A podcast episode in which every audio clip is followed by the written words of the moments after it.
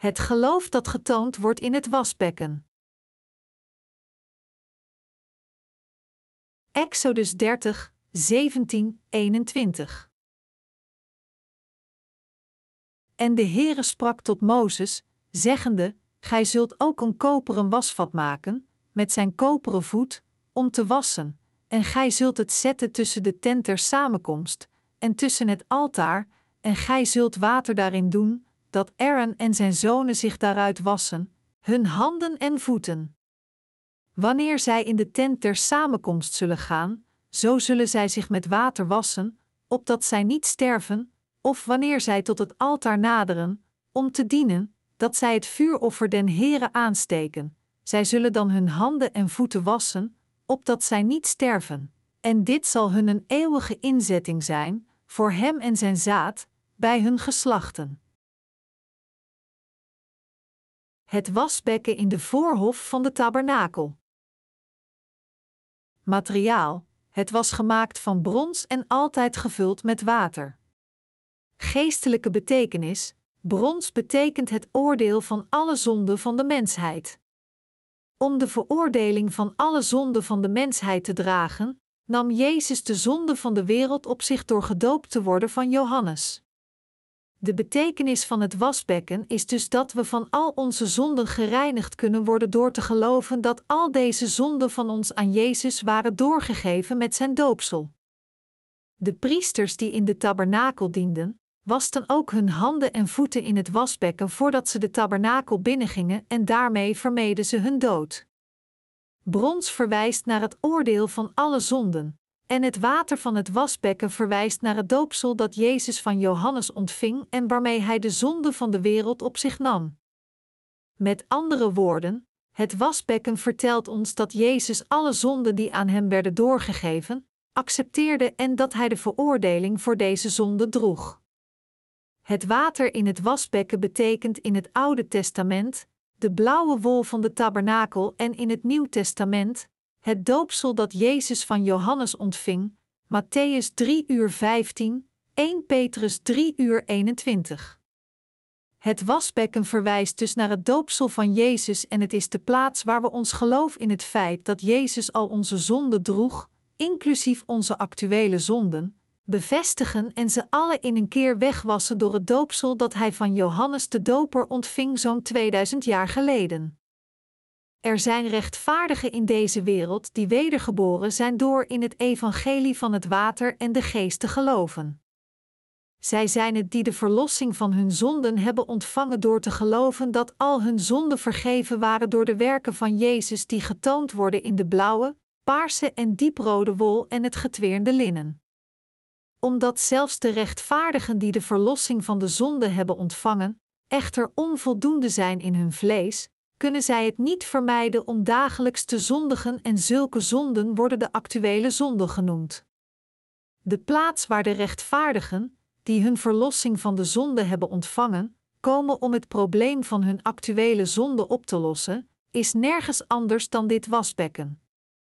Als de rechtvaardigen actuele zonden begaan, komen zij naar het wasbekken in de voorhof van de tabernakel en wassen hun handen en voeten en zij kunnen daarbij het feit bevestigen dat Jezus hun reeds ook van al hun dagelijkse zonden vergeven heeft door te geloven in het geschreven woord van God.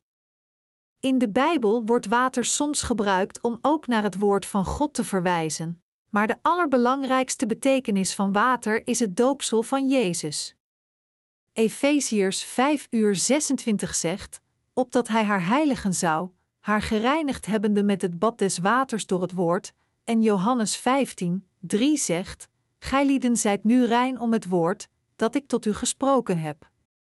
Het wasbekken stelt de heiligen, die de verlossing van hun zonden hebben ontvangen, in staat om het bewijs te bezitten dat de Heer al hun zonden heeft vergeven met water, hoe ontoereikend hun vlees ook mogen zijn.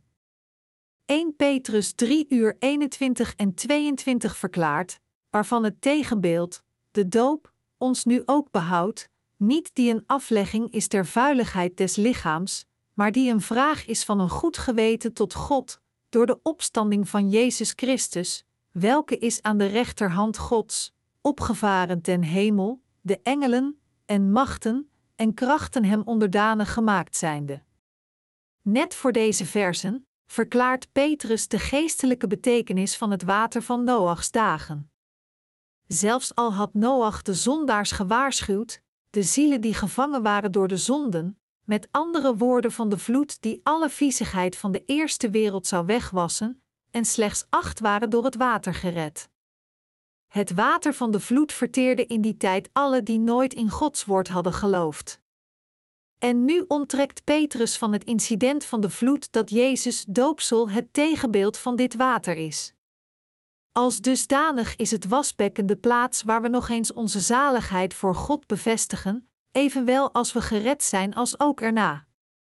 De heiligen die van hun zonden gered zijn door geloof, zijn gekleed in Gods genade door in het water van het wasbekken, het doopsel van Jezus, het brons, Gods oordeel voor alle zonden, en dat Jezus hen van hun zonden heeft verlost, te geloven. Zelfs als we nog zo vol zwakheden en tekortkomingen zijn dat we onszelf amper als de rechtvaardige kunnen herkennen, kunnen we zeker bevestigen dat we volledig rechtvaardig zijn door ons geloof in het doopsel van Jezus, het dragen van zonden, water, en zijn bloedvergieten aan het kruis, de veroordeling van de zonden, brons, opnieuw te tonen. Omdat we in het woord van God geloven dat ons reeds gered heeft van al onze zonden en de veroordeling van deze zonden, kunnen we altijd de rechtvaardigen worden die zondeloos zijn.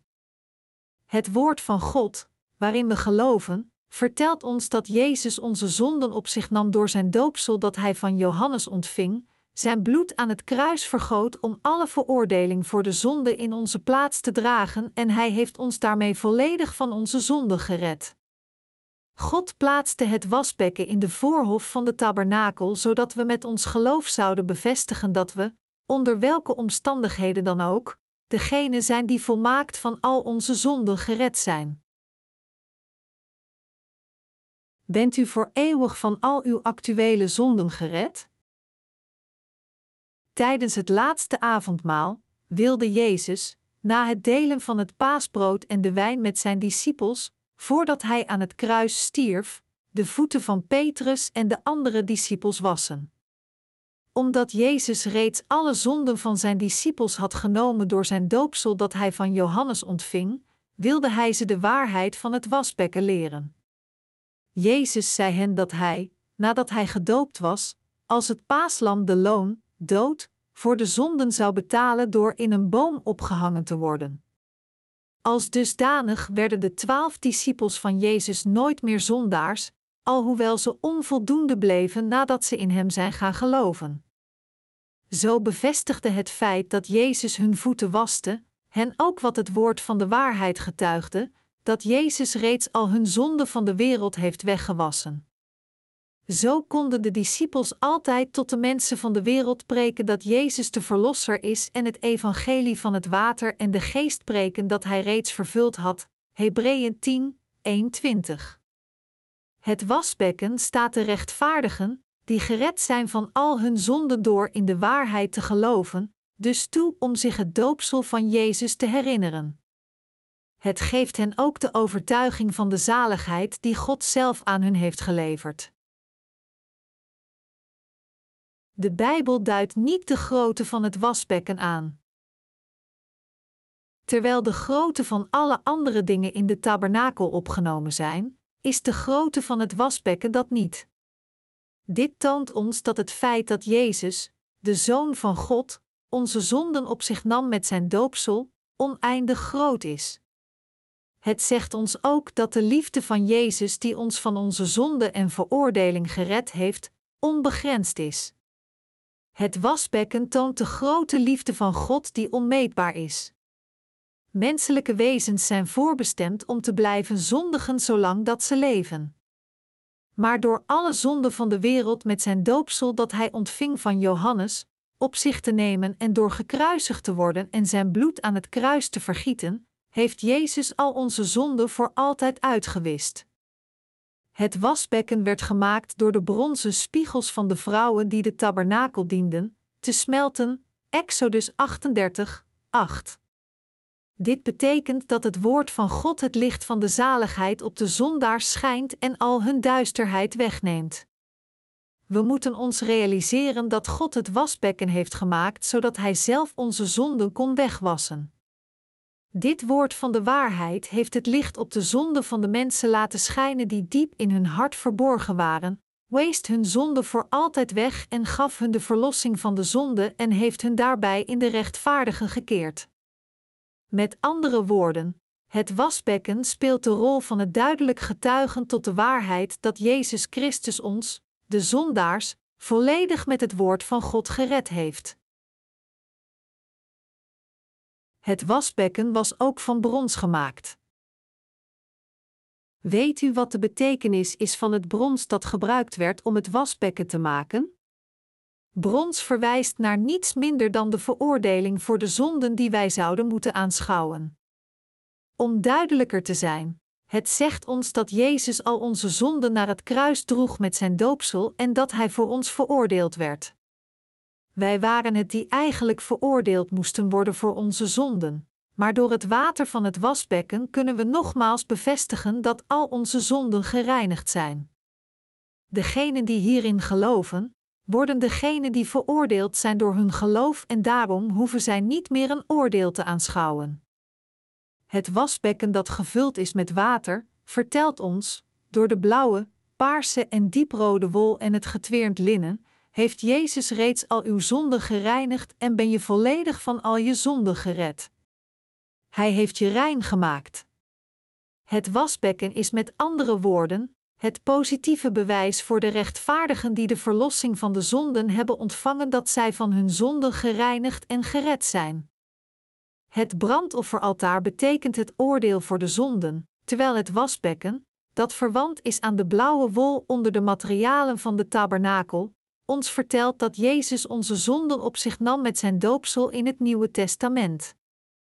We kunnen slechts het heiligdom binnengaan als we de poort van de voorhof van de tabernakel openen en binnengaan, aan het brandofferaltaar voorbij lopen en dan naar het wasbekken gaan. Degenen die de tabernakel, waar God aanwezig is, binnen kunnen, zijn slechts degenen die duidelijk volgens geloof door het brandofferaltaar en het wasbekken zijn gegaan. Slechts degenen die de verlossing van de zonden hebben gekregen door in de waarheid van het wasbekken van de voorhof van de tabernakel te geloven, kunnen het heiligdom binnengaan. Als iemand uit zijn eigen kracht het heiligdom binnen probeert te gaan, zal er vuur uit het heiligdom komen en deze persoon verslinden. Zelfs Ernst zonen waren geen uitzondering hierop, en sommigen van hen stierven feitelijk hierdoor. Leviticus 10, 1-2. Degenen die onwetend zijn ten opzichte van Gods rechtvaardige dragen van de zonde en het oordeel en die deze waarheid negeren, zullen gedood worden vanwege hun zonden. Mensen die het koninkrijk van God proberen binnen te komen door volgens hun eigen gedachten te geloven in plaats van te geloven in zijn buitengewoon volmaakte zaligheid van de zonde, zal zeker het oordeel van vuur aanschouwen voor hun zonden. Door het onvermijdelijke oordeel van de zonde zal hun slechts de hel als consequentie hiervan staan te wachten. Jezus voltooide onze zaligheid van de zonde met de blauwe, paarse en dieprode wol en het getweerde linnen, zodat we in staat zouden zijn om het heiligdom binnen te gaan. Slechts door in deze waarheid te geloven, zijn we helemaal van al onze zonden gered. God heeft zijn plan om de mensheid van de zonde te redden, nog voor de schepping bepaald en Hij heeft ons zijn wil gedetailleerd laten weten door de waarheid van de blauwe wol, het doopsel van Jezus, de dieprode wol, de dood van Jezus aan het kruis, en de paarse wol, God werd een mens, in de Bijbel. En volgens dit plan heeft Hij inderdaad alle zondaars van hun zonden en ongerechtigheden gered door de werken van Jezus die getoond worden in deze blauwe, paarse en dieprode wol. 1 Johannes 5, 4 zegt: Want al wat uit God geboren is, overwint de wereld, en dit is de overwinning, die de wereld overwint, namelijk ons geloof. En dit wordt gevolgd door vers 10, waarin staat: Die in den Zoon van God gelooft, heeft de getuigenis in zichzelf. Wat is deze getuigenis van de zaligheid? Het evangelie van de waarheid dat ons onze zaligheid heeft gegeven door het water, het bloed en de geest, is de getuigenis van ons geloof in de Zoon van God, 1 Johannes 5, 6, 8. Met andere woorden, slechts het evangelie van het water en de geest waarin we geloven, is het bewijs dat God ons van onze zonden heeft gereinigd en ons zijn eigen volk heeft gemaakt. De enigste manier voor ons om van al onze zonden gered te worden, het heiligdom binnen te gaan, het brood des levens gevoed te krijgen dat door God gegeven wordt en in Zijn genade te leven, is om in niets minder dan dit evangelie van het water en de geest te geloven. Door in het evangelie van het water en de geest te geloven dat onze zonde reinigt, moeten we nu gered zijn en ons geloofsleven leiden door ons met Gods kerk te herenigen. Door de waarheid van het evangelie van het water en de geest kunnen we bevrijd worden op het woord van God in zijn kerk, ermee verenigd worden en als de rechtvaardige leven wiens gebeden door God worden verhoord. Als we in deze waarheid geloven, kunnen we de rechtvaardigen worden die het geloof van de blauwe, paarse en dieprode wol hebben en die een leven leiden terwijl ze gekleed zijn in de genade van God in Zijn aanwezigheid. Het geloofsleven dat slechts geleefd kan worden door het volk van God, komt slechts door in het water, het bloed en de geest te geloven. We kunnen gered worden van al onze zonden door met ons hart in het doosspel van Jezus te geloven, zijn bloed vergieten en dood, en dat Jezus God zelf is. Het geloof dat u in staat stelt om in Gods kerk te leven, is het geloof in de blauwe, paarse en dieprode wol en het getweerde linnen. Tegenwoordig zeggen veel mensen: alles wat we doen moeten is in Jezus geloven. Waarom moeten we ons met al deze ingewikkeldheden vervelen? Laten we onze tijd niet verspillen met nutteloze gesprekken en gewoon geloven op de manier die wij het meest geschikt vinden. Zulke mensen zullen ons slechts als lastposten van het christendom zien, maar wat absoluut duidelijk is, is dat als iemand in Jezus gelooft zonder de verlossing van de zonde te hebben, hij slash zij de eeuwige veroordeling moet aanschouwen. Als men niet volledig in het evangelie van het water, het bloed en de geest gelooft, dan is het een vals en gebrekkig geloof. Het is in feite hetzelfde als niet in Jezus als de Verlosser geloven. Als ik blindelings tot een vreemdeling bleef volhouden, ik geloof in je, alleen maar om in het goede licht te komen bij die vreemdeling, zou deze persoon dan overtuigd zijn: deze man moet werkelijk in mij geloven en er gelukkig over zijn? Integendeel, hij zou waarschijnlijk zeggen: Ken je me? Ik geloof niet dat ik jou ken. Als ik weer tegen hem zou zeggen: Maar ik geloof toch nog in u, en met ernstige ogen naar hem zou kijken om hem een beter gevoel te geven, zou hij er dan gelukkig over zijn? Het is veel eerder mogelijk dat hij me slechts als een slijmbal zal zien die geen ruggengraat heeft, die gewoon probeert zijn gedachten te lezen en naar zijn pijpen probeert te dansen. Zo is God ook niet behaagd met mensen die gewoon blindelings in Hem geloven. Als we zeggen: Ik geloof in God. Ik geloof dat Jezus de Verlosser van de zondaars is, dan moeten we ons geloof in Hem beleiden nadat we te weten zijn gekomen hoe Jezus voor de ongerechtigheden van de zondaars gezorgd heeft door erin te geloven. Als we gedachteloos of blindelings geloven, als we helemaal geen karakter hebben, dan kunnen we nooit gered worden. We zijn slechts gered als we geloven door eerst duidelijk te weten hoe Jezus onze zonden liet verdwijnen. Als we zeggen dat we in iemand geloven, plaatsen we ons echte vertrouwen in deze persoon omdat we hem slash haar goed genoeg kennen en deze persoon geloofwaardig vinden.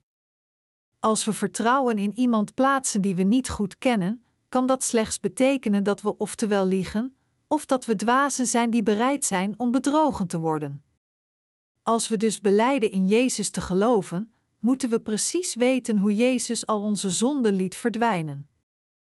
Slechts dan kunnen we niet op het laatste moment door onze Heer verbannen worden en kunnen we de hemel binnengaan als de wedergeboren kinderen van God.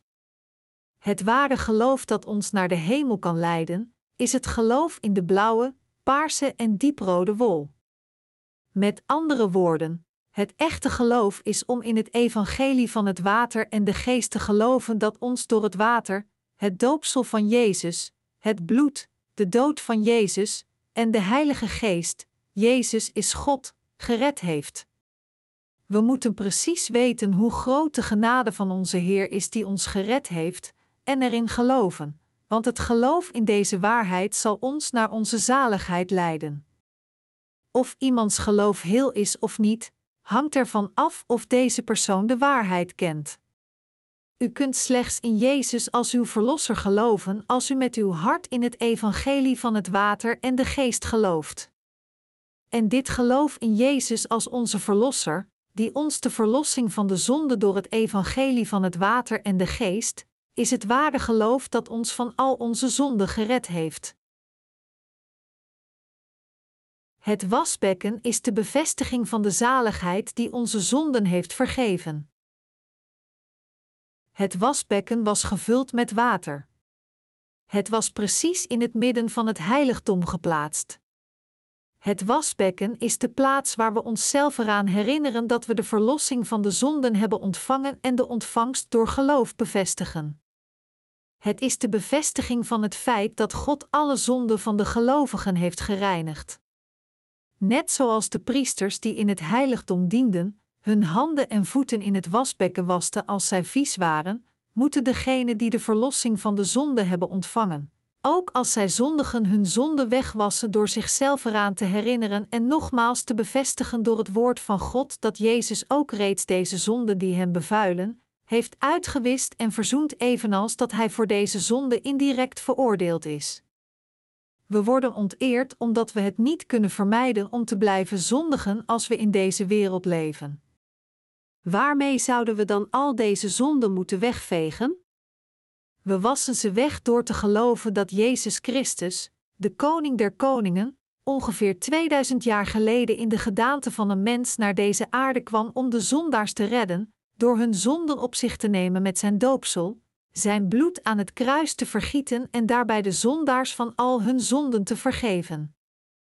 We kunnen de verlossing van de zonde ontvangen en ook onze actuele zonde wegwassen door slechts in de waarheid te geloven dat Jezus alle zonden op zich nam door gedoopt te worden.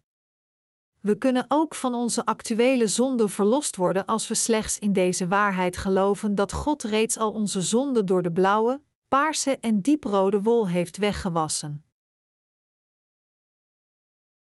We moeten het geloof hebben dat de waarheid van het wasbekken kent en erin gelooft. Zonder het geloof in het wasbekken kunnen we nooit het heiligdom waar God woont binnengaan. Onze daden kunnen niet altijd volmaakt zijn. Omdat we tekortkomingen hebben, zondigen we soms. Maar de zaligheid die God ons gegeven heeft, is desalniettemin volmaakt, want het woord van God is volmaakt. Omdat God onze tekortkomingen heeft weggewassen met zijn volmaakte zaligheid, kunnen we moedig het heiligdom binnengaan door geloof. Degenen die niet door het wasbekken gaan, kunnen nooit het heiligdom binnengaan. We hebben het recht om het heiligdom binnen te gaan door ons geloof in de waarheid dat Jezus 2000 jaar geleden naar deze aarde kwam en alle zonden van de wereld met het evangelie van het water, het bloed en de geest die geprofeteerd werd door de blauwe, paarse en dieprode wol, uit te wissen. Zonder te geloven dat de Heer reeds al onze zonden heeft uitgewist en ons zondeloos heeft gemaakt, kunnen we niet het heiligdom binnen omdat we niet het allerheiligdom van God binnen kunnen zonder in de blauwe, paarse en dieprode wol te geloven, kunnen we ook niet de zegen van het voorgaan naar de troon van de genade van God genieten door in zijn woord in zijn kerk te geloven, door het tot hem bidden en zijn genade te ontvangen en van het leven met zijn dienaren en heiligen als we niet in het evangelie van het water en de geest geloven.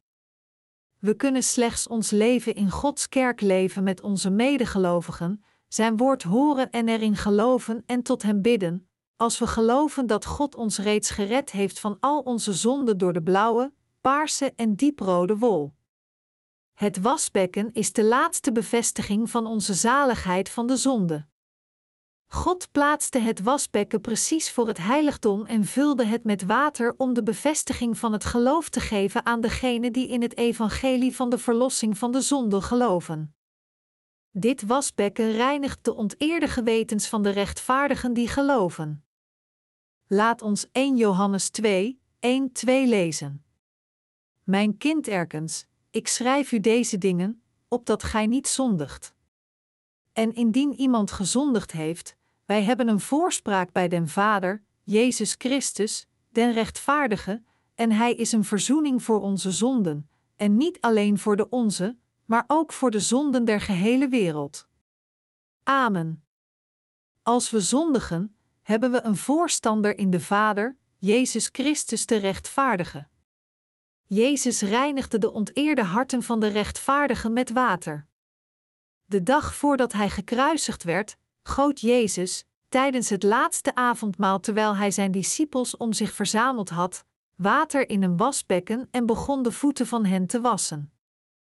Toen ik gedoopt werd, droeg ik al jullie zonden, inclusief de zonden die jullie later zullen begaan, en ik zal voor jullie aan het kruis veroordeeld worden. Ik nam zelfs jullie toekomstige zonden op me en ik wiste ze uit. Ik ben jullie verlosser geworden. Jezus wijst tijdens het laatste avondmaal van Pasen de voeten van de discipels om dit te zeggen. Tot Petrus, die weigerde om zijn voeten door Jezus te laten wassen, zei hij: Wat ik doe, weet gij nu niet, maar gij zult het na deze verstaan. Johannes 13, 7. Jezus wilde de volmaakte verlosser worden van degenen die werkelijk in het evangelie van het water en de geest geloven. Voor degenen die in de blauwe, paarse en dieprode wol geloven, is Jezus hun eeuwige verlosser geworden. Het gebruik van het wasbekken. Het wasbekken werd gebruikt om alle viezigheid van de priesters weg te wassen als zij in de tabernakel werkten om offers aan God te geven. Het was nodig om de vuiligheid van de priesters weg te wassen die ze kregen door de zondeoffers te doden, het bloed ervan te nemen en het in stukken te snijden om God het offer te geven dat de zonde van het volk van Israël zou verzoenen. Wanneer de priesters bevlekt werden terwijl ze de offers gaven, moesten zij met water gewassen worden en het wasbekken was de plaats waar al deze viezigheid gereinigd werd. Altijd als we zondigen, of het geestelijk of in ons vlees is, en altijd als we bevuild worden doordat we Gods geboden breken, moeten we al onze viezigheid met dit water van het wasbekken wegwassen. De priesters moesten altijd als hun lichaam met iets onreins of smerigs in aanraking kwam, de bevuilde delen van hun lichaam met water wassen, of zij dat wilden of niet. Zo moet ook iedereen die in God gelooft, als zij met iets vies of onreins in contact komen, het water van het wasbekken gebruiken om al deze viezigheid te reinigen. Kort gezegd, het water van het wasbekken werd gegeven om gebruikt te worden om alle viezigheid van de wedergeborenen weg te wassen. Als dusdanig bevat het wasbekken Gods genade. De betekenis van het wasbekken is niet een extra ding waarvan we kunnen kiezen of we er wel of niet in geloven, maar het is een noodzakelijk item dat absoluut noodzakelijk is voor degenen die in Jezus geloven. God bepaalde de omvang voor alle andere items in de tabernakel door aan te duiden hoeveel ellen ze hoog, lang en breed moesten zijn. Maar hij omschreef niet de grootte van het wasbekken. Dit is een kenmerk dat slechts voorkomt bij het wasbekken. Dit toont de eindeloze liefde die de Messias ons, die dagelijkse zonde begaan, heeft gegeven. In deze liefde van de Messias werd zijn doopsel gevonden, een vorm van het opleggen van handen dat al onze zonden wegwaste. Het wasbekken moest altijd gevuld worden zijn met water, omdat er veel water gebruikt moest worden wanneer de priesters besmeurd werden tijdens het vervullen van hun taken. De omvang van het wasbekken was dus afhankelijk van deze behoefte. Omdat het wasbekken van brons gemaakt was, gingen de priesters, iedere keer als zij zich met dit water wasten, over het oordeel van de zonde nadenken. De priesters die de tabernakel dienden, moesten al hun onreinheid van hun handen en voeten wegwassen met het water van het wasbekken. Als het brons het oordeel van God toont, dan toont het water het wegwassen van de zonden. Hebreeën 10 uur 22 zegt: Het lichaam gewassen zijnde met rein water, en Titus 3, 5 zegt: door het bad der wedergeboorte en vernieuwing des Heiligen Geestes. Zoals deze passages, vertelt het woord van het Nieuwe Testament ons ook veel over het wegwassen van de viezigheid met het water van het doopsel. Als de priesters met het water van het wasbekken hun viezigheid wegwasten die zich in hun leven ophoopten, dan kunnen wij, de wedergeboren christenen van tegenwoordig, al onze dagelijkse zonden die we in ons leven hebben begaan, wegwassen door in het doopsel van Jezus te geloven. Het water van het wasbekken van het Oude Testament toont ons dat de Messias naar deze aarde kwam en alle zonden van de wereld met het doopsel dat hij van Johannes ontving heeft weggewassen. God zegt ons door de Bijbel dat niet alleen de zonden die het volk van Israël heeft begaan, maar de actuele zonden die door alle mensen van de hele menselijke geschiedenis zijn begaan, aan Jezus zijn doorgegeven door het doopsel dat hij van Johannes ontving. Toen Jezus door Johannes gedoopt was, zei hij in Matthäus 3 uur 15: Laat nu af, want al dus betaamt het ons alle gerechtigheid te vervullen.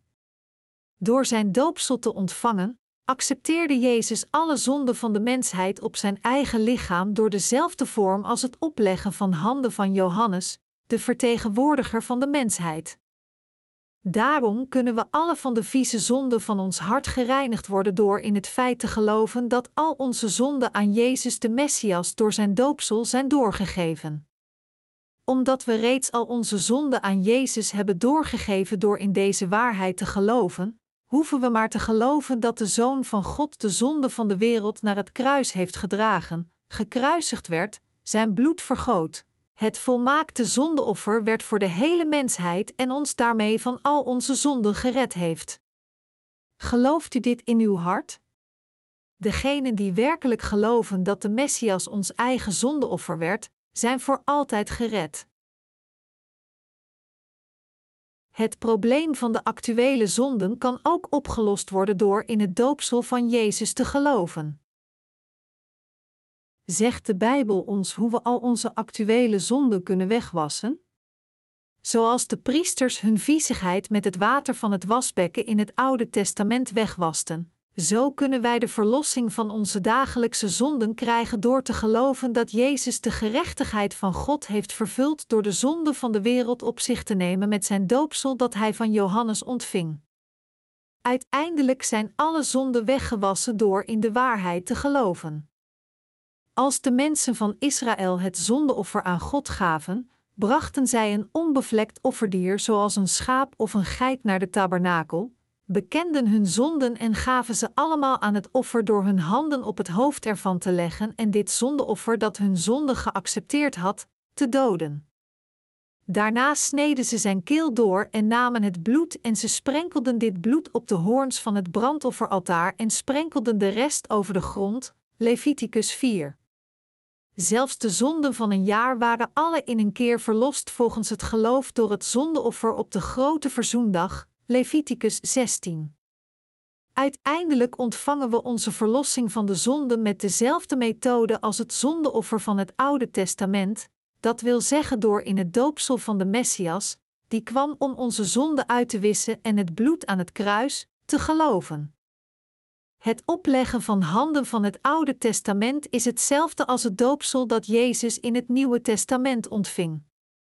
Onze Messias zorgde voor en reinigde al onze zonden door gedoopt te worden van Johannes en door gekruisigd te worden.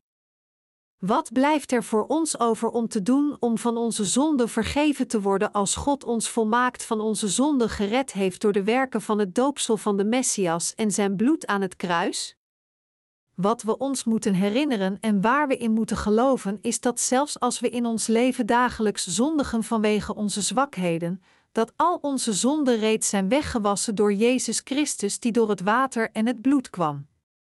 Zelfs al geloven we in God, we zullen toch nog steeds in onze zwakheden en overtredingen vervallen door onze tekortkomingen. Maar onze God, die dit alles weet, heeft ons gered door ons de Messias naar deze aarde te sturen, hem de zonden van de mensheid met zijn doopsel op zichzelf liet nemen en zichzelf liet offeren. Door het brandofferaltaar en het wasbekken in de voorhof van de tabernakel te plaatsen, heeft God ons toegestaan om al onze actuele zonden die we dagelijks begaan, weg te wassen voordat we het allerheiligdom, het huis van God, binnengaan. Maar dat betekent niet dat we onze actuele zonden moeten wegwassen met de dagelijkse berouwgebeden. Integendeel, het is ons geloof in het doopsel van het Messias en zijn bloed aan het kruis dat al onze zonden reinigt. God heeft bepaald dat als de rechtvaardige fouten maken, zonden en wandaden begaan nadat ze in Jezus zijn gaan geloven, zij van al deze zonden gereinigd moeten worden door in het doopsel dat de Messias, de Heer van het wasbekken, ontving, te geloven.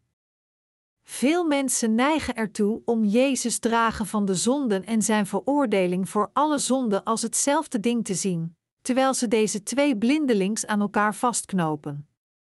Maar omdat we dagelijks actuele zonden begaan door onze zwakheden, moet het reinigen van de zonde en het oordeel voor de zonde gescheiden worden. Het doopsel dat Jezus van Johannes ontving en zijn dood aan het kruis, waren er om al onze zonden op zich te dragen om voor deze zonde veroordeeld te worden en om ons er volmaakt van te redden. In dit geloof kunnen we dus in een keer het oordeel van onze zonden krijgen. Het probleem van onze actuele zonden die we dagelijks begaan moet dus opgelost worden door in het doopsel te geloven van de Messias. Door deze twee componenten te verenigen, het doopsel en het kruis, wordt de enige volmaakte zaligheid voltooid. Dit is de waarheid van de volmaakte verlossing van de zonde. In zoverre de oplossing van het probleem van onze zonde aangaat, moeten we het doopsel van Jezus en het kruis gescheiden van elkaar geloven en eraan denken. Wanneer de priesters offerdieren doden in de tabernakel, werden ze besmeurd met viezigheid en spetterend bloed. We kunnen ons zelfs niet voorstellen hoe vies zij werden. De priesters moesten al deze viezigheid wegwassen, maar als er geen water in het wasbekken van de voorhof van de tabernakel geweest zou zijn, dan zouden ze hiertoe niet in staat zijn geweest. Het doet er niet toe of het de hoge priester of een gewone priester was, die voor de zonde van een jaar vergeven was, als hij niet meteen de viezigheid die op hem was, wegwaste met het water van het wasbekken, dan kon deze persoon het niet vermijden om met de viezigheid die nog steeds op hem was te leven. Zelfs als de hoge priester allerlei viezigheid op zich had, kon hij altijd gereinigd worden door het wasbekken in de voorhof van de tabernakel. Zelfs als een priester volledig van de zonde van een jaar vergeven zou zijn, dan zou het nog steeds door het wegwassen van de dagelijkse zonde zijn dat deze persoon gereinigd was. God bepaalde dat de priesters die offers aan hem gaven, van al hun viezigheid gereinigd moesten worden in het wasbekken. We kunnen ons dan realiseren waarom God het wasbekken in de voorhof van de tabernakel heeft gezet. We kunnen ook weten waarom dit wasbekken tussen het brandofferaltaar en het heiligdom werd geplaatst. Waarom hebben we het wasbekken nodig?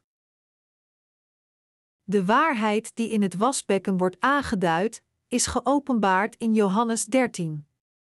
Tijdens het paasfeest begon Jezus, nadat hij met zijn discipels het laatste avondmaal had gehad, hun voeten te wassen, beginnend bij Petrus. Toen Jezus zijn voeten probeerde te wassen, vroeg hij Petrus om zijn voeten uit te strekken zodat hij ze kon wassen. Petrus sloeg dit echter af terwijl hij zei: Ik zou uw voeten moeten wassen. Hoe kunt u, Heer, mijn voeten wassen? Petrus weigerde omdat hij dacht dat het niet gepast voor een leraar was om de voeten van zijn eigen discipels te wassen. Hoe zou ik mijn leraar durven vragen om mijn voeten te wassen? Dat kan ik niet. Petrus bleef Jezus dienst afwijzen. Wat Jezus daarna tegen Petrus zei, is van groot belang. Wat ik doe, weet gij nu niet, maar gij zult het na deze verstaan. Johannes 13, 7. Dit is wat Jezus bedoelde: je kunt nu niet begrijpen waarom ik je voeten heb gewassen. Maar dit zal zeker belangrijk zijn bij het oplossen van het probleem van je actuele zonden. Je zult vanaf nu veel actuele zonden begaan, maar ik heb reeds al je actuele zonden van de toekomst op me genomen en vanwege deze zonden moet ik nu mijn bloed aan het kruis vergieten. Je moet daarom weten en geloven dat ik de Messias ben die zelfs voor je actuele zonde van de toekomst zorgde. In Petrus' gedachten was het gewoon onethisch dat de Messias zijn voeten wijst en daarom weigerde hij gewassen te worden. Maar Jezus zei Petrus: Je zult het hierna weten, en hij weest zijn voeten. Slechts als ik je voeten was, kun je een verbintenis met mij hebben. Begrijp je nu waarom ik je voeten was? Maar nadat ik gekruisigd ben en naar het koninkrijk van de hemel ben opgestegen, zul je weten waarom ik je voeten wijst. Omdat ik je Messias ben, droeg ik reeds je toekomstige zonde met mijn doopsel en door het zondeoffer van jullie zonde te worden, werd ik jullie verlosser. Zoals onze Heer zei, begreep Petrus er op dat moment niets van, maar na de herrijzenis van de Heer werd hij zich ervan bewust. Dit was werkelijk de gebeurtenis die zelfs zijn actuele zonden heeft uitgewist. Omdat ik slechts actuele zonden in de wereld kan begaan, wees de Heer mijn voeten zodat ik zou geloven dat Jezus de Messias zelfs deze actuele zonden op zich nam met zijn doopsel van Johannes de Doper. Het doopsel van de Messias zorgde zelfs voor deze actuele zonde van de toekomst. Jezus nam al deze zonden op zich met zijn doopsel, droeg de zonden van de wereld naar het kruis en droeg de veroordeling van alle zonden door gekruisigd te worden. En door van de dood te herrijzen, heeft Hij ons werkelijk en volledig van al onze zonden gered. Slechts later, nadat Hij de Heer zelfs drie keer had verlogend, ging Petrus zich dit realiseren en erin geloven. Daarom zei hij in 1 Petrus 3 uur 21, waarvan het tegenbeeld, de doop, ons nu ook behoudt, niet die een aflegging is der vuiligheid des lichaams, maar die een vraag is van een goed geweten tot God door de opstanding van Jezus Christus. Het woord tegenbeeld betekent hier hetgeen dat voorgegaan is of geïdentificeerd is door een eerder symbool of beeld, zoals een figuur in het Nieuwe Testament die een tegenhanger heeft in het Oude Testament. De voorafgaande context verklaart dus duidelijk dat het doopsel van Jezus het tegenbeeld van het water in het Oude Testament is. In het Oude Testament moest de hoge priester die het volk van Israël vertegenwoordigde wanneer het offer op de grote verzoendag aan God gegeven werd om de verlossing voor de zonde van een jaar te ontvangen, zijn handen op het zondeoffer leggen en de zonden van de Israëli's bekennen die ze begaan hadden om zo hun zonde aan het offer door te geven. Deze methode van het opleggen van handen had dezelfde opmaak als het doopsel van Jezus. In het Oude Testament moest het zondeoffer dood bloeden omdat het de zonden van alle Israëli's had geaccepteerd die aan het dier waren doorgegeven. Zijn keel werd doorgesneden en het bloedde al gauw dood. De priesters onthuiden het, sneden het in stukken en offerden het vlees aan God door het in het vuur te verbranden. De Messias, die het wezenlijke van het zondeoffer is van het Oude Testament, kwam naar deze aarde, accepteerde onze zonde door het opleggen van handen, bloedde aan het kruis en stierf voor ons. Tegenwoordig hebben wij daarom volledig de verlossing van onze zonde ontvangen door het doopsel van Jezus Christus en zijn dood aan het kruis.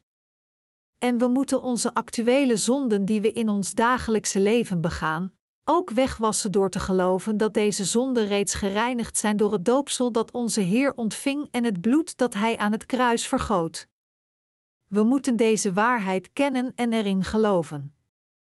We kunnen van al onze actuele zonden verlost worden als we slechts geloven dat Jezus al onze zonden op zich nam en ze alle wegwaste door zijn doopsel. Altijd als we actuele zonden begaan, moeten we met andere woorden ons geloof in het water en de geest bevestigen. En door over de waarheid na te denken dat zelfs deze actuele zonden reeds door Jezus met zijn doopsel en kruis zijn uitgewist, kunnen we in ieder geval niet onze zaligheid verliezen en we kunnen het altijd als ons hart aangevallen wordt door een gevoel van schuld herstellen. Omdat Jezus zelfs alle actuele zonden die dagelijks door de rechtvaardigen, die de verlossing van hun zonden gekregen hebben, worden begaan, heeft uitgewist, heeft God hen het wasbekken toegestaan zodat deze rechtvaardigen, wiens verlossing van de zonde kwam door het water, het bloed en de geest, hun actuele zonden door hun geloof in het evangelie van het water en de geest zullen wegwassen. Daarom liet God het wasbekken maken door de handspiegels van de vrouwen, die in de tabernakel dienden, te verzamelen en te smelten, want deze spiegels voorzagen in een weerspiegeling van het ego. Altijd als we actuele zonde begaan en in wanhoop vervallen door onze zwakheid, moeten we naar het wasbekken gaan en onze handen en voeten wassen. De rol van het wasbekken is om ons eraan te herinneren dat Jezus de zonde van de mensheid in een keer op zich nam toen hij van Johannes gedoopt werd. Het was om deze waarheid aan de rechtvaardigen, die de verlossing van de zonde ontvangen hadden, te leren dat onze Heer de Israëli's het wasbekken maakte door de handspiegels van deze vrouwen te smelten, het met water liet vullen en de priesters toestond om alle viezigheid van hun handen en voeten te wassen met dit water. We moeten geloven dat Jezus de Zoon van God is, de Schepper en de Verlosser van de mensheid. En we moeten ons herinneren dat de Messias naar deze aarde kwam in de gedaante van een mens en dat hij al onze zonden op zijn eigen lichaam accepteerde door het doopsel dat hij van Johannes ontving. Dat wil zeggen, als we actuele zonden in deze wereld begaan, vervallen we in zwakheid of onze zwakheid wordt onthuld. We moeten ons zelfs nog meer herinneren dat de Messias in het vlees kwam, gedoopt en gekruisigd werd, en daarmee al onze zonden uitgewist heeft. Als we ons dit niet herinneren en er niet in geloven, zelfs al hebben we de verlossing van de zonde ontvangen, dan zouden we weer gebonden zijn aan onze actuele zonden en terugkeren naar onze oude, zondige ego's.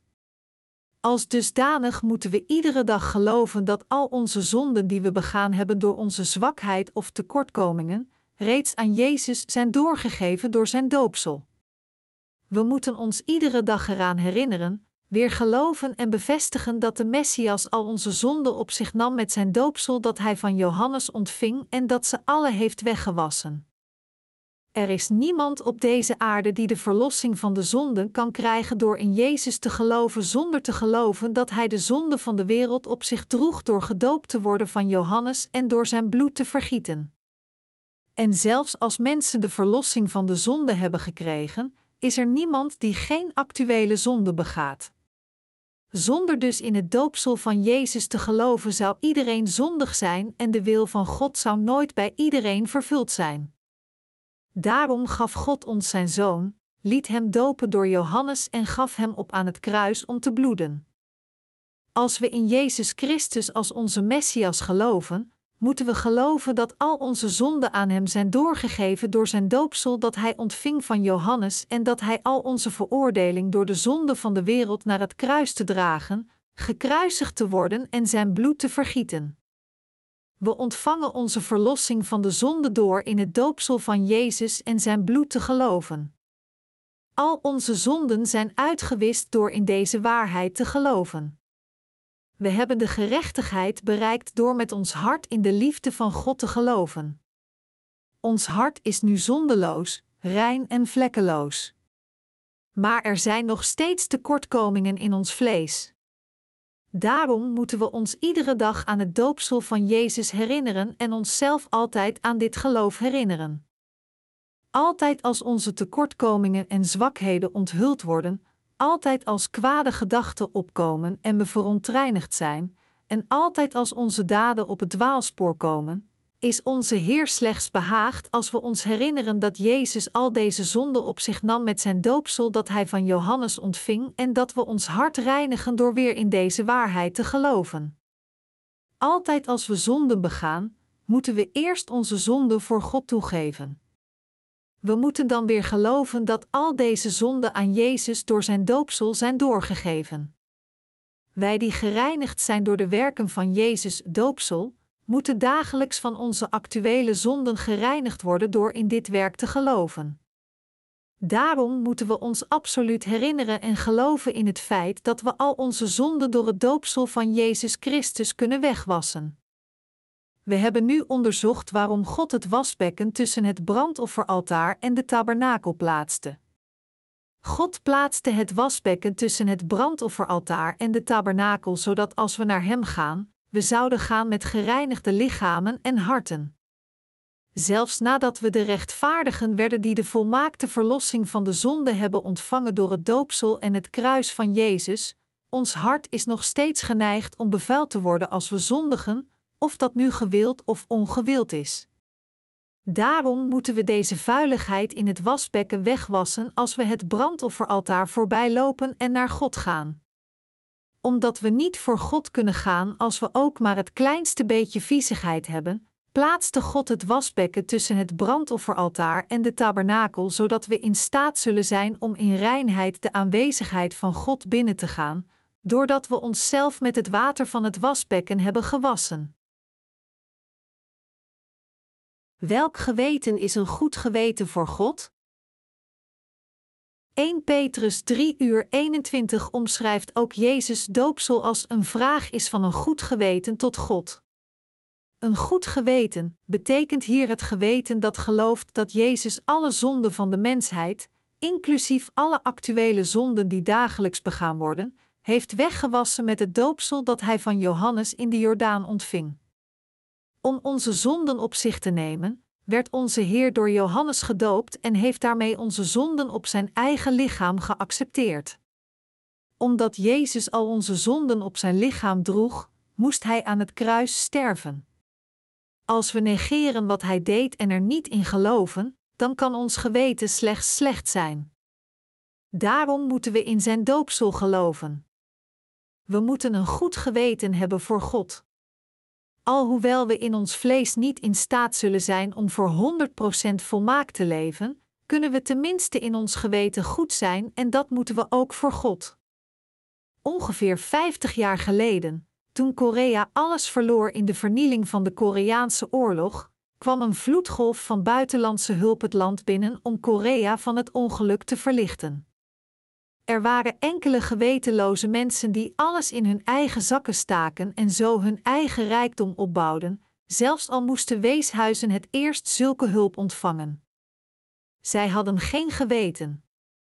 Als het buitenland melk, meel, dekens, schoenen, kleding en andere hulpmiddelen gaf, zonden de ondersteuners het zodat de naakte en hongerige mensen in vreselijke nood goed gekleed en gevoed zouden worden. Zij konden zich amper voorstellen dat enkele slechte openbare ambtenaren en oplichters deze hulpmiddelen zouden omleiden naar andere doelen. Mensen met goede gewetens zouden het eerlijk onder de armen hebben verdeeld. Degenen die de buitenlandse hulp niet in een mogelijkheid tot het opbouwen van hun rijkdom hebben gekeerd en het eerlijk verdeelden onder de armen die stierven van de honger, hoeven zich niet te schamen voor God, want zij zouden met een goed geweten geleefd hebben. Maar degenen die dit niet deden, zouden door hun eigen geweten beschuldigd zijn van diefstal. Natuurlijk zouden deze dieven zelfs nu nog steeds van al hun zonden gereinigd kunnen worden als zij zich omkeren en in het doopsel van Jezus geloven. Om onze zonden op zich te nemen en al onze actuele zonden uit te wissen, kwam Jezus naar deze aarde en werd gedoopt. Door dus van Johannes gedoopt te zijn, weest Jezus al onze zonden in een keer weg. Ik zou graag de ongelovigen in zijn doopsel willen berispen door te zeggen: Wat maakt jou dan zo trots om niet in zijn doopsel te geloven? Met welke zekerheid geloof je niet? Ben je goed genoeg om het koninkrijk zonder het geloof in zijn doopsel binnen te gaan? Als we werkelijk het volk van het goede geweten willen worden, moeten we al onze actuele zonden met het doopsel dat Jezus van Johannes ontving, wegwassen. Om dat te doen, moeten we met ons hart geloven dat Jezus alle zonden die we in ons hele leven begaan hebben, op zich heeft genomen en ze weggewassen heeft. Daarom is Jezus, onze Messias, door Johannes gedoopt voordat hij naar het kruis ging. Jezus zei tegen de vrouw die overspel had gepleegd: Ik veroordeel je ook niet ik beoordeel je ook niet. Waarom? Omdat Jezus ook reeds de zonden van overspel van deze vrouw op zich had genomen en omdat Jezus zelf ook de veroordeling voor deze zonde zou dragen. Hij zei: Ik ben de ene die veroordeeld zal worden voor je zonden. Maar ben van al je zonden gereinigd door in mijn doopsel te geloven. Daarom ben je gered van al je zonden door in mij te geloven. Ben ook gered van alle veroordeling van de zonde door geloof en ben gereinigd van al je zonden. Ben gereinigd van de zonde van je geweten en drink het water van mij dat ons nooit meer dorstig laat zijn. Tegenwoordig geloven wij dat Jezus de ene is die ons van onze zonden heeft gered. Gelooft u werkelijk dat Jezus inderdaad onze zonden op zich nam met zijn doopsel en dat hij ze alle wegwaste? Onze Heer wijst onze zonden weg door gedoopt te worden. We kunnen nu in goed geweten naar God gaan. Waarom? Omdat onze Heer al onze zonden op zich nam en ze alle wegwaste door gedoopt te worden, deze zonden naar het kruis droeg, in onze plaats veroordeeld werd door gekruisigd te worden en van de dood herrees. Lange tijd geleden kwam Jezus naar deze aarde en hij nam al onze zonden tijdens zijn 33-jarige leven op zich en weest ze alle weg met zijn doopsel. Door zelfs onze actuele zonden op zich te nemen en ze weg te wassen, heeft onze Heer ons in staat gesteld om naar God te gaan en de rechtvaardige te worden en om voor al onze zonden door het offer van Jezus Christus veroordeeld te worden. Met andere woorden, door in deze Heer te geloven, kunnen we God onze Vader noemen en in Zijn aanwezigheid treden. Als dusdanig zijn degenen die in Jezus werken van het water, het bloed en de geest geloven, degenen die een goed geweten hebben. Het is daarentegen zeker het slechte geweten dat niet in de rechtvaardige daden van de Heer gelooft, zijn doopsel en kruisiging. Tegenwoordig nemen veel mensen het woord van God niet serieus vanwege hun bijgeloof.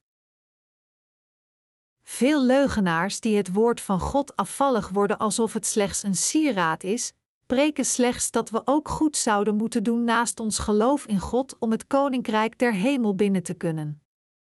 En als het om de zaligheid gaat, spreken zij slechts van het bloed aan het kruis, en denken foutief dat zij een of andere berg moeten bestijgen om er te bidden of te vasten om dan God door hun vleeselijke ervaringen te ontmoeten.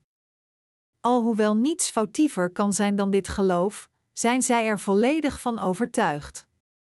Zij zeggen: Ik werd geteisterd door mijn zonden en dus bleef ik de hele nacht op om te bidden: God, ik heb gezondigd. Ik geloof in U, Heer, ik werd op de avond van die dag nog steeds geplaagd, maar nadat ik de hele nacht opbleef om te bidden, voelde ik plotseling in de ochtenduren, alsof er vuur op me werd geworpen en op dat moment was mijn geest heel helder.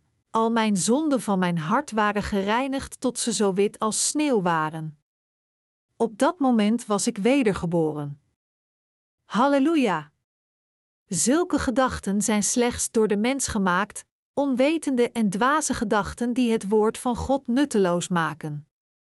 U moet zich eraan herinneren dat God degene die zulke mystieke onzin zeggen en daarmee mensen bedriegen en ze naar de hel leiden, veelvuldig zal straffen. Mijn oren doen zo'n pijn. Maar ik geloof in wat de Heer zei, dat we geheeld zullen worden als we geloven, en dus hield ik mijn pijn uit en zei: Heer, ik geloof. Toen ik zo geloofde, was de pijn helemaal weg. Ik had een maagzweer, dus iedere keer als ik iets at, kreeg ik ontzettende maagpijn. Dus voordat ik at, bad ik: Heer, ik heb hier pijn, maar u zei dat u naar alles zou luisteren als we er maar in geloof voor zouden bidden. Ik geloof nog steeds in uw woord. Ik had absoluut geen spijsverteringsproblemen. Wat zijn dit allemaal? Dit zijn de gevallen waar mensen de Heer niet door het woord ontmoeten. Deze gevallen demonstreren de valsheid van hun geloof dat niet gelooft volgens het woord. Dit zijn niet de antwoorden op hun gebeden die ze ontvingen door het woord, maar dit is slechts hun mystieke geloof. Zij geloven niet in God volgens het woord, maar in hun foutieve verwarring die gebaseerd is op hun eigen gevoelens en ervaringen. Wat zo spijtig en verdrietig is, is dat er zoveel mystieken zijn onder de huidige christenen. Zo bedraagt het wegduwen van het woord van God en het blindelingse geloof in Jezus dat gebaseerd is op hun gevoelens of ervaringen slechts bij tot een bijgeloof. Mensen die beweren dat ze in Jezus geloven, zelfs als zij niet volgens het woord geloven, moeten zichzelf onderzoeken om te zien of zij door demonen bezeten zijn of niet. Ik ontmoette Jezus terwijl ik aan het bidden was. Jezus verscheen in mijn droom. Ik bad geestdriftig en mijn ziekte was genezen. Iedereen met een half intacte mond kan zulke beweringen maken, maar wat duidelijk is, is dat dit niet het geloof is dat gegeven werd door God, maar het valse geloof dat gegeven werd door Satan. Door de blauwe, paarse en dieprode wol en het getweerd linnen heeft onze Heer zichzelf aan ons getoond. Toont onze Heer zichzelf aan ons op nieuwe en verschillende manieren in het huidige tijdperk? Verschijnt Hij werkelijk voor ons in een waanbeeld of een droom? Hij sleept enorme ketens aan zijn voeten, hij bloedt over zijn hele lichaam en een kroon van doorns op zijn hoofd heeft, terwijl hij zegt: Zie je, op deze manier leed ik voor je. Wat zal je nu voor mij doen? Is dit de manier waarop onze Heer zichzelf aan ons toont? Dit is alles nonsens. En toch zijn er nog steeds mensen die, nadat ze zogenaamd dit soort droom hebben gehad, tegenover God zweren: Heer, ik zal uw dienaar worden en u dienen met mijn hele hart voor de rest van mijn leven. Ik zal hier een gebedshuis bouwen. Ik zal hier een kerk bouwen. Ik zal mijn kruis op mijn rug dragen voor de rest van mijn leven en van uw getuigen in het hele land en de hele wereld. We kunnen in feite gemakkelijk zulke vrome prekers in de straten of openbare plaatsen tegenkomen. Zonder uitzondering zijn zij alle mystieken die zeggen dat zij hebben besloten om op deze wijze te leven nadat ze Jezus in hun droom hebben gezien of nadat ze de stem van de Heer gehoord hebben terwijl ze aan het bidden waren. Maar de Heer openbaarde zichzelf slechts door zijn woord. Hij spreekt niet tot ons in een droom of terwijl we bidden, vooral niet in dit tijdperk waarin zijn hele woord aan de mensheid is gegeven. Dromen komen slechts van het gecompliceerde rijk van het menselijke onderbewustzijn. Deze mensen hebben deze droom omdat zij allerlei voorstellingen hebben over Jezus in hun onbeantwoorde liefde en zij denken gewoon te veel. Als u met uw gedachten met iets bezig bent voordat u in slaap valt, zult u waarschijnlijk zien dat u dit thema ook in uw droom tegenkomt. Zo worden onze dromen in ons onderbewustzijn gemaakt. Daarom krijgen we allerlei gekke dromen als we te veel nadenken. Zij hebben alle niets te maken met geloof, maar zij zijn slechts een weerspiegeling van de lichamelijk verandering van het onderbewustzijn. Daarom verschijnt Jezus met een kroon van doornen op zijn hoofd in de dromen van mensen als zij veel over Jezus, lijden aan het kruis nadenken. Op zich is niets mis met zo'n droom. Maar het is een ernstige fout om deze droom te serieus te nemen. Wat gebeurt er als Jezus vol bloed aan hen verschijnt en tegen hen zegt: Wat zal je voor mij doen? Je zult de rest van je leven als een asceet leven voor mij. Je zult voor mij geen bezit hebben. Er zijn dwaze mensen die werkelijk al hun bezittingen opgeven zodat zij zo kunnen leven. Is er iemand die de schrik aangejaagd kreeg vanwege een droom, die het serieus nam of wiens leven hierdoor veranderde? Dit is niets minder dan mystiek. God ontmoet ons door het woord. Hij is niet iemand die we kunnen ontmoeten in een droom of visioen in ons gebed. Het woord van God staat geschreven in het Oude en het Nieuwe Testament en als we dit woord horen dat tot ons gepreekt wordt en als we het in ons hart accepteren, kan onze geest hem door het woord ontmoeten. Onze geest kan dus, met andere woorden, slechts God ontmoeten door het woord en alleen maar door het woord. Door het woord kwamen we te weten dat Jezus al onze zonden op zich nam met zijn doopsel en door dit woord te horen, gingen we met ons hart geloven. Het antwoord op de vraag waarom Jezus aan het kruis moest sterven wordt ook gevonden in het woord. Omdat Jezus onze zonden op zich nam door gedoopt te worden, stierf Hij aan het kruis en heeft Hij ons gered. Door het woord gingen we God kennen en door het woord gingen we in Hem geloven. Dat Jezus Christus God is, wordt door ons ook slechts geweten en geloofd door het woord. Hoe konden we in God gaan geloven? Kwam dat niet door het geschreven woord van God? Hoe zouden we Jezus, die al onze zonden liet verdwijnen, hebben kunnen ontmoeten en in Hem gaan geloven als er geen woord van God was? Als er geen woord van God was, zou ons geloof niet zijn. Dit denk ik, zullen we zeggen, maar dit is niet de waarheid en als ons hart gevuld is met wat niet waar is, dan kan de echte waarheid niet ons hart binnen. Het juiste ding om te zeggen is niet dit is wat ik denk, maar dit is wat de Bijbel zegt.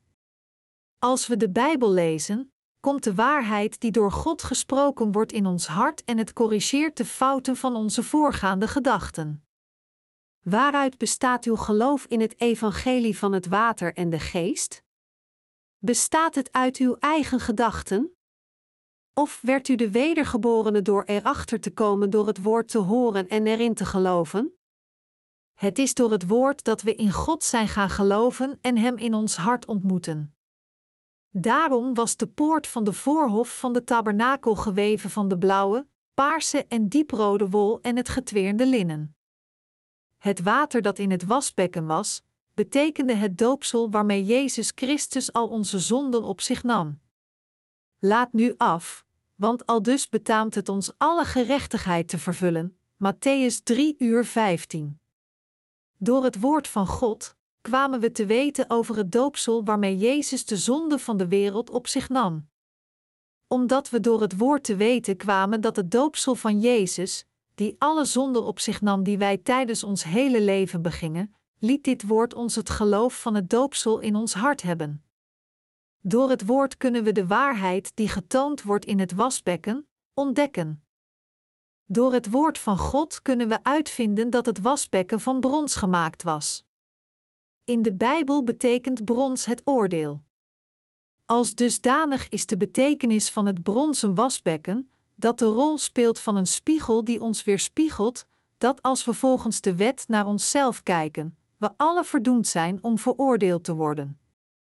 Daarom was het wasbekken gemaakt van de spiegels van de vrouwen die de tabernakel dienden. De Heer heeft ons, die het niet konden vermijden om veroordeeld te worden voor onze zonden, gered door naar deze aarde te komen, gedoopt te worden en aan het kruis te sterven. Door het geschreven woord van God kwamen we te weten dat het kwam doordat Jezus gedoopt werd om al onze zonden op zich te nemen, naar het kruis ging en de veroordeling van de zonde droeg. En we zijn gered doordat we deze waarheid in ons hart accepteren en erin geloven. En u? Hoe bent u gered? In een bepaalde denominatie die de mystiek volgt, beweren ze dat de leden de precieze datum van hun zaligheid moeten kennen, in welke maand en op welke dag zij gered zijn. En men zei dat een pastoor van deze denominatie voor veel gelovigen getuigde dat hij in Jezus geloofde en gered was toen hij een berg beklom om te bidden en zich toen realiseerde dat hij niets was. Hij beweerde erg trots dat hij nooit de exacte datum en tijd had vergeten dat hij wedergeboren werd. Dit heeft zeker niets te maken met het getweerde linnen, maar het is slechts emotioneel. Het geloof van de pastoor heeft niets te maken met de blauwe, paarse en dieprode wol en het getweerde linnen. De zaligheid die door deze denominatie onderwezen wordt, heeft niets te maken met de ware zaligheid die gemaakt wordt door het woord van God, maar het is slechts hun eigen creatie.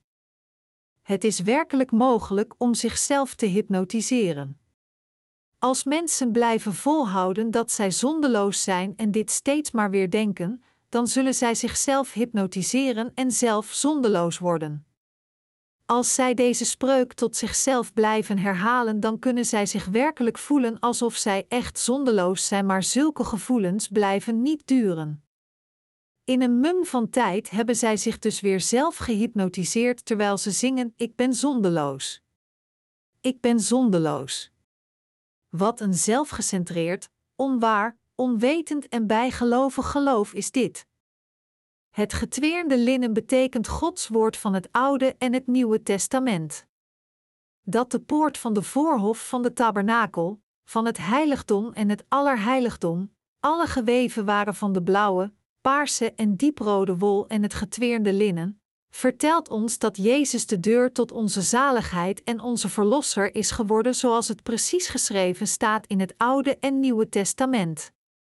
Ik dank God werkelijk voor hoe zeker deze zaligheid is die God tot ons heeft gesproken. Daarom probeer ik als ik bid niet mijn gevoelens aan te spreken of een show te vertonen. Ik bid gewoon door alles aan God over te laten en Hem te vertrouwen. Vader, help ons alstublieft. Laat ons het evangelie over de hele wereld preken. Bescherm en houd al mijn medegeestelijken en heiligen. Geef ons de werkers die het evangelie kunnen dienen. Sta het toe dat dit evangelie verspreid wordt en laat de gelovigen zich van uw woord bewust worden en erin geloven. Dit is alles wat ik zeg als ik bid. Ik bid niet om te proberen mijn gevoelens naar boven te laten komen en te huilen, en niets van deze hocuspocus is een deel van mijn gebeden.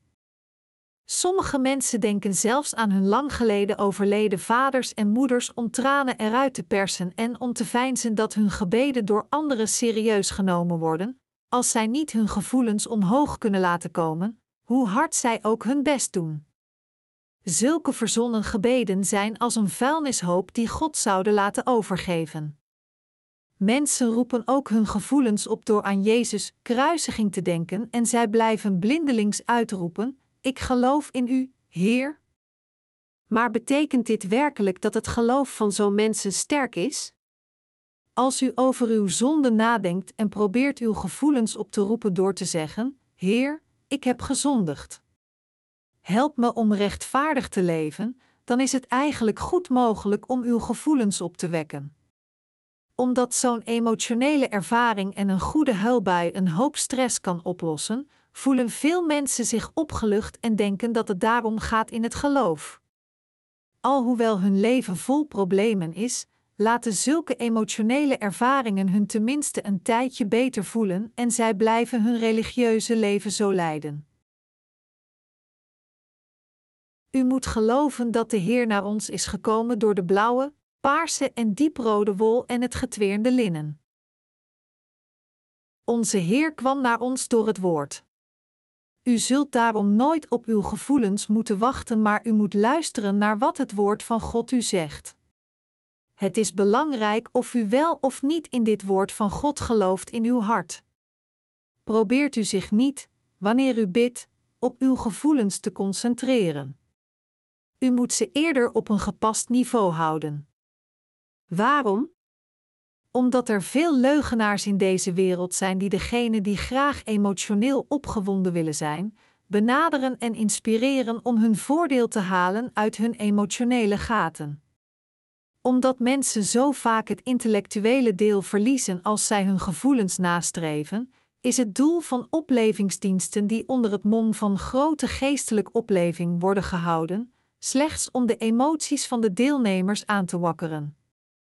Nu dat ik wedergeboren ben, kan ik echter niet zo'n oplevingsbijeenkomsten houden, zelfs als ik het zou proberen. Want het woord van God preken is niet het aansporen van de gevoelens van de mensen zoals dat bij deze grote geestelijke oplevingsbijeenkomsten van de wereld gedaan wordt.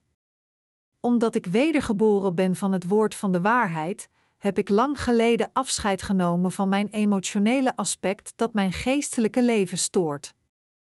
Wij, de rechtvaardigen die het woord van God horen, ons verstand gebruiken en met ons hart geloven, houden er niet van om emotioneel opgewonden te zijn. We geloven in de waarheid door ons snel te realiseren of iemand wel of niet van het woord van God tot ons spreekt zoals het is, en door snel te onderscheiden of deze persoon die tot ons spreekt, er werkelijk in gelooft. O mat wij, die de waarheid van de blauwe, paarse en dieprode wol en het getweerde linnen kennen en erin geloven, de Heilige Geest in ons hart hebben, realiseren we ons alle dat emotionele aansporing verre van de waarheid is en we accepteren alleen de echte waarheid in ons hart. Jezus kwam naar ons door de blauwe, paarse en dieprode wol en het getweerde linnen. Hoe geweldig is deze waarheid? Hoe wonderbaarlijk is de liefde van onze Heer die u gered heeft? Door de viervoudige werken van Jezus die geschreven staan in Gods woord, zijn we allemaal gaan geloven dat Jezus al uw zonden op zich nam met zijn doopsel, dat Hij aan het kruis stierf en u daarmee gered heeft met zijn vervulling van alle gerechtigheid. Gelooft u met uw hart in deze waarheid? Degenen die het evangelie preken, moeten het binnen het getweerde linnen verspreiden, dat wil zeggen Gods woord van het Oude en Nieuwe Testament en het moet de blauwe, paarse en dieprode wol bevatten. En degenen die het horen, moeten het in hun hart accepteren en er met hun hele hart in geloven. Het water van het wasbekken wast onze zonde weg. Jezus nam met zijn doopsel al onze zonden op zich en weest ze allemaal weg. Het doopsel van Jezus verwijst naar het water van het wasbekken, het reinigt ons, die alle verdoemd waren om naar de hel te gaan door onze zonde en het stelt ons in staat om voor God te staan. Omdat Jezus al onze zonden op zich accepteerde door zijn doopsel, kon hij naar het kruis gaan en ze wegwassen door gekruisigd te worden. Zowel het doopsel van Jezus als ook het kruis getuigen dat Jezus de veroordeling van al onze zonden droeg. Door het doopsel en het kruis vervulde Jezus al onze zaligheid. Het geven van berouwgebeden reinigt ons nooit van onze zonden. Omdat Jezus met zijn doopsel reeds onze zonden op zich had genomen, zijn onze zonden allemaal weggewassen. Door dit woord te horen en erin te geloven wat Jezus voor ons heeft gedaan, kunnen we van de veroordeling van al onze zonden verlost worden. Dankzij de veroordeling die Jezus heeft gedragen, hebben we reeds al onze veroordeling voor de zonde gedragen door ons geloof in zijn doopsel. We zijn werkelijk gered door geloof. Op een manier is de zaligheid uiterst eenvoudig. Als we in de gave en liefde van de zaligheid geloven, kunnen we gered worden, maar als we niet geloven, dan kunnen we niet gered worden. Naast de zaligheid die vervuld is door God, is er niets dat wij kunnen doen om gered te worden.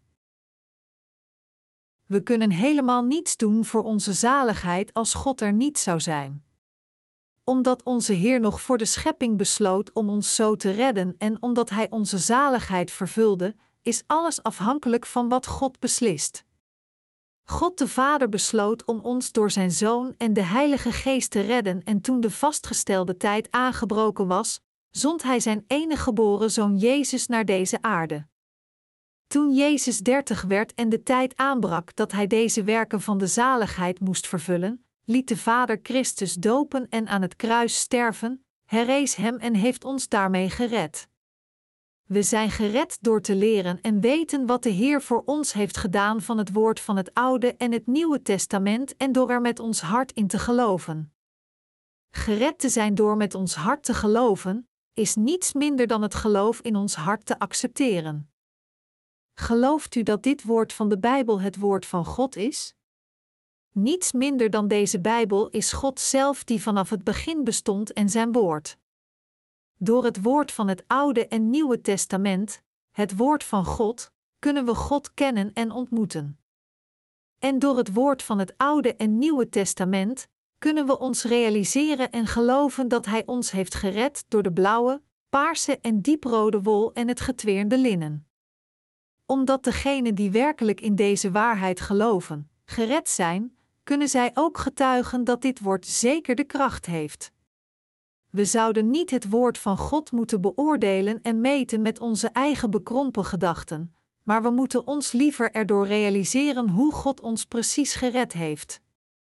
Van het Oude en Nieuwe Testament hoop en bid ik dat u alle het woord van de blauwe, Jezus doopsel, de paarse, Jezus is koning van de koningen, en de dieprode wol, het kruis, en het getweerde linnen, Gods woord van het Oude en Nieuwe Testament, hoort en erin gaat geloven. Als u het woord van God verwerpt en zijn woord met uw eigen maatstaven voor de rest van uw leven beoordeelt, zult u nooit gered worden. Als u toegeeft dat u het woord van God niet goed kent, dan moet u aandachtig luisteren naar wat de voorgangers in het geloof zeggen. Of zij pastoors zijn, werkers of leken, als u naar het woord van God luistert dat door hen gepreekt wordt, en als dat wat zij preken inderdaad juist is voor God, hoeft u maar te erkennen dat het juist is en er met uw hart in te geloven. Degenen die het woord verspreiden, verspreiden het niet omdat het zo gemakkelijk is, maar omdat dat wat zij verspreiden juist is voor God. Daarom preken zij de juiste kennis voor God, dat wil zeggen het evangelie van het water en de geest, de waarheid van de blauwe, paarse en dieprode wol en het getweerde linnen. Het doet er niet toe wie we horen, als het het ware woord van God is, dan is er niets anders dat wij kunnen doen dan het te accepteren met een ja, want er is geen enkel puntje nog streepje dat verkeerd is aan Gods woord. We moeten in het woord van God geloven. Wat is geloven? Het is accepteren. Het is vertrouwen. Met andere woorden, omdat onze Heer voor ons gedoopt was, moeten we alle onze zwakheden aan Hem toezeggen en op Hem vertrouwen. Heeft de Heer me werkelijk gered door dit te doen? Ik vertrouw U en geloof in U. Het is het ware geloof om op deze manier te geloven. Onder de theologen van deze wereld is het erg moeilijk om iemand te vinden die de correcte kennis heeft en correct gelooft. Zelfs nog voordat ze het wasbekken bereiken, blijven ze hangen in de poort van de voorhof van de tabernakel terwijl ze niet in staat zijn de voorhof binnen te gaan. Als zij over de tabernakel preken, spannen ze zich gewetensvol in om slim de poort van de voorhof te omzeilen en als zij boeken over de tabernakel uitgeven, voegen zij afbeeldingen bij die de enorme poort die 9 meter van de omheining van de voorhof in beslag nam, weglaten. Af en toe zijn er enkele bij, die moedig over de poort van de voorhof van de tabernakel preken, maar omdat zij niet het wezenlijke van de blauwe wol kennen, zeggen zij alleen maar: blauw is de kleur van de hemel. Dus zij beweren dat de blauwe wol de kleur van de hemel is, dat toont dat Jezus God zelf is en dat de dieprode wol naar het bloed van Jezus verwijst dat hij aan het kruis vergoot toen hij op deze aarde was, en daarbij omzeilen ze, heel slim, de waarheid van de poort van de tabernakel. En hoe zit dat met de paarse wol? Paars zegt ons dat Jezus de koning der koningen is en God zelf. De goddelijkheid van Jezus is reeds volmaakt in de paarse wol vastgelegd, zodat het niet nodig is om de waarheid te herhalen met een andere kleur wol. De waarheid van de blauwe wol is dat Jezus naar deze aarde kwam en alle zonden van de mensheid in een keer op zich nam door van Johannes gedoopt te worden. Maar de theologen van deze wereld kunnen het niet weten, nog kunnen ze het preken omdat zij dit doopsel van Jezus niet herkennen en dus uiten ze slechts hun onzin. Degenen die niet wedergeboren zijn door niet in Jezus, die door de blauwe, paarse en dieprode wol en het getweerde linnen kwam, te geloven, weten niet dat Jezus alle zonden op zich nam door het doopsel en hun veroordeling droeg. Zij zijn dus geestelijk verblind en niet in staat het woord op te lossen, en daarom hebben zij het woord van God religieus gemaakt door het willekeurig te interpreteren op basis van hun eigen gedachten. Zij leren: geloof in Jezus. Dan zult u gered zijn. En vanaf nu moet u goed en gehoorzaam zijn. Zij hebben het geloof in Jezus Christus in niet meer dan een religie gekeerd dat slechts de nadruk legt op hun rechtschapen daden omdat de mensen weten dat zij niet goed kunnen zijn, hoe hard zij ook hun best doen, zijn zij gemakkelijk bedrogen door zulke woorden die de wil van de mensheid om te proberen goed te zijn, aanwakkert. Godsdiensten volgen hetzelfde oude patroon. Als je probeert, kun je het, of doe je best om heilig te worden. Het gebruikelijke thema dat in alle godsdiensten heerst, is dat zij de eerlijke gedachten, inspanningen en wil van de mensheid erg hoog inschatten.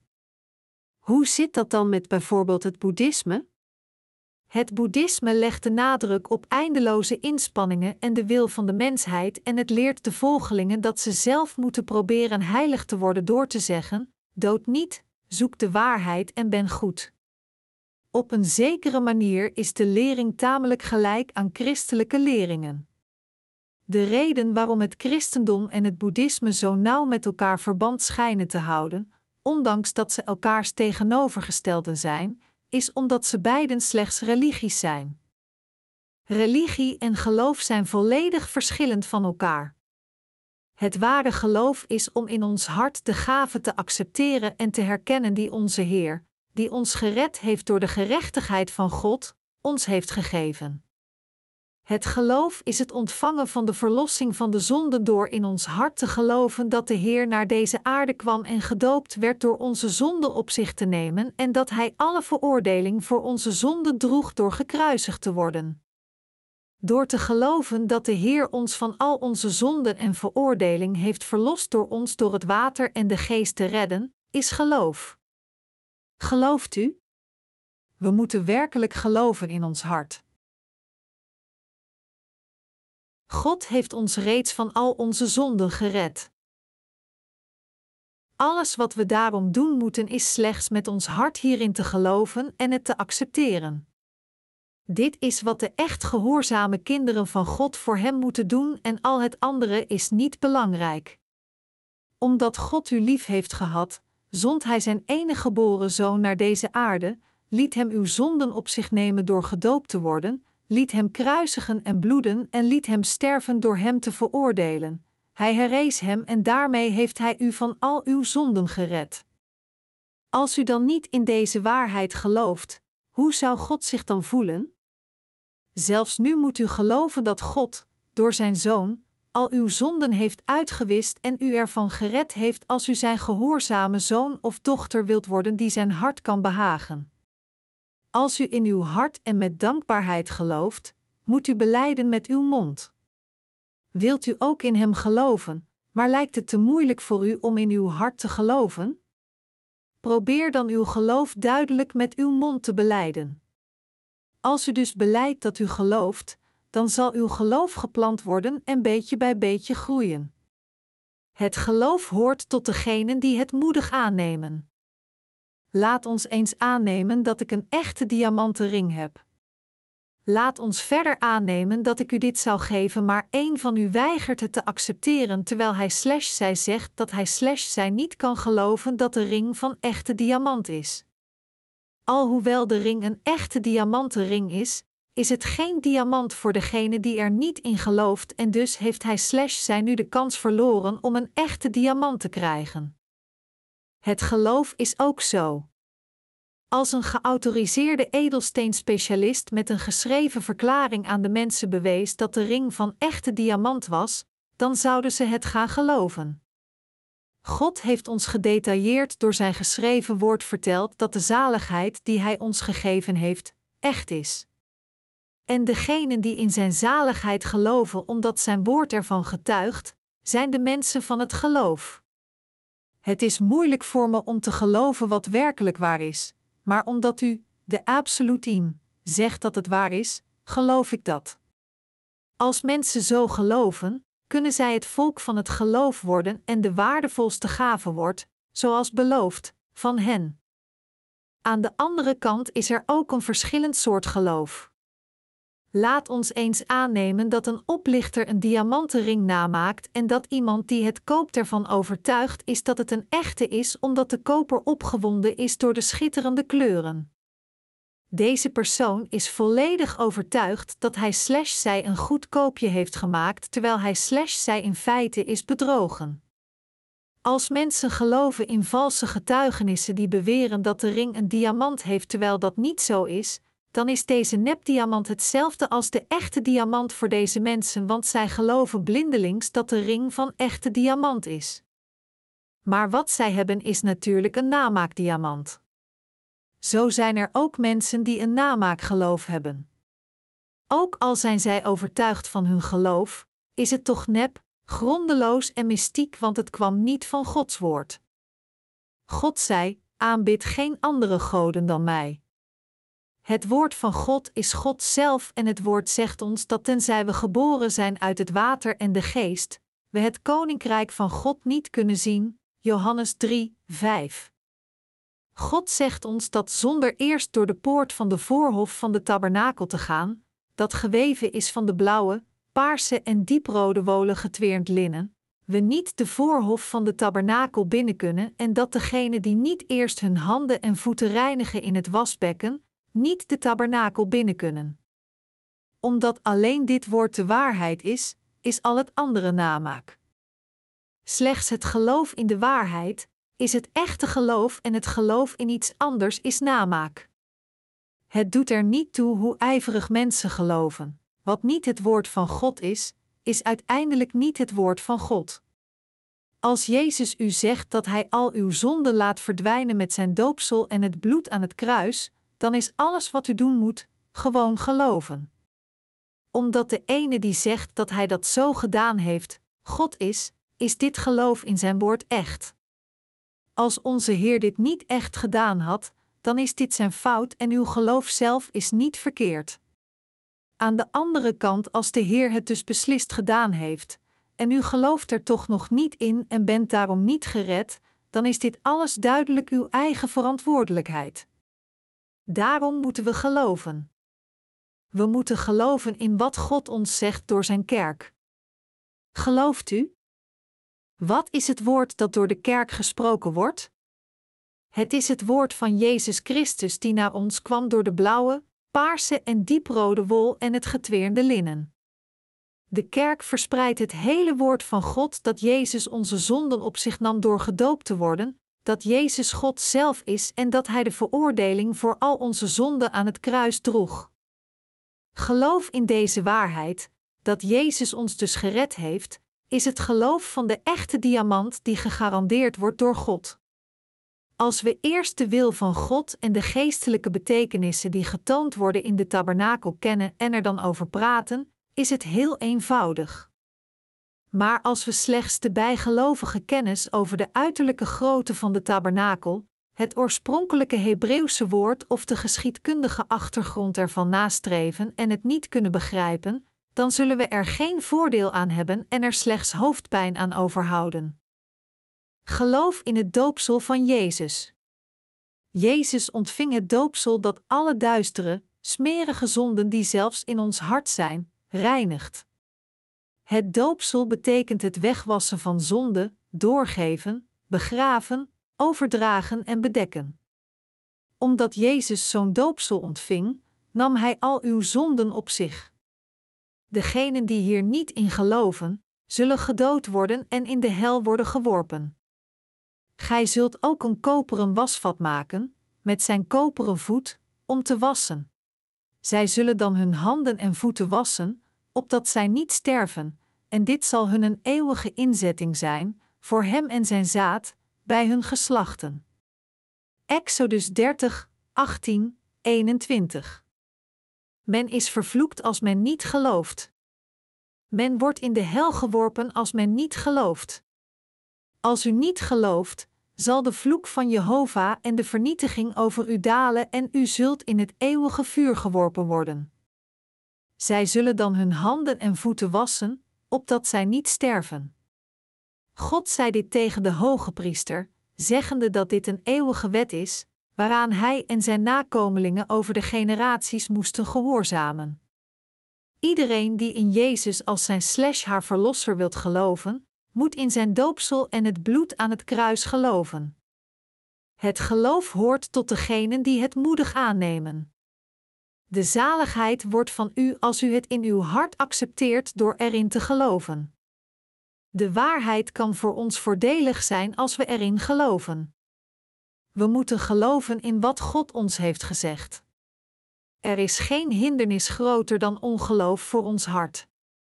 God zei dat als priesters voor hem komen, zij eerst hun handen en voeten moeten wassen in het bronzen wasbekken en toch zijn er te veel mensen die niet het geloof hebben om hun handen en voeten met het water van het wasbekken te wassen. Iedereen die niet dit geloof heeft, dat getoond wordt in het wasbekken, zal gedood worden voor God. Geloof in het evangelie van het water en de geest in uw hart en word gereinigd en ga daarmee voor God, vermijd uw dood en ontvang zijn koninkrijk als uw gave. Het doet er niet toe hoe u redeneert en volhoudt voor God, u zult zeker veroordeeld worden voor het niet geloven terwijl u een kans heeft gekregen. Ik hoop en bid dat niemand van u de dood zal aanschouwen voor het niet geloven in de waarheid. Als u niet in de waarheid van de zaligheid gelooft, die al uw zonden heeft uitgewist met het doopsel van Jezus en zijn bloed aan het kruis, zult u enorm geschaad worden. Gelooft u? We moeten onze dank aan God geven omdat Hij ons van onze zonden en veroordeling gered heeft door het wasbekken. De rest van de tabernakel zal in vervolgdelen op dit boek besproken worden. Ik hoop dat u alle het privilege heeft om Gods kinderen te worden door de boodschappen in deze boeken.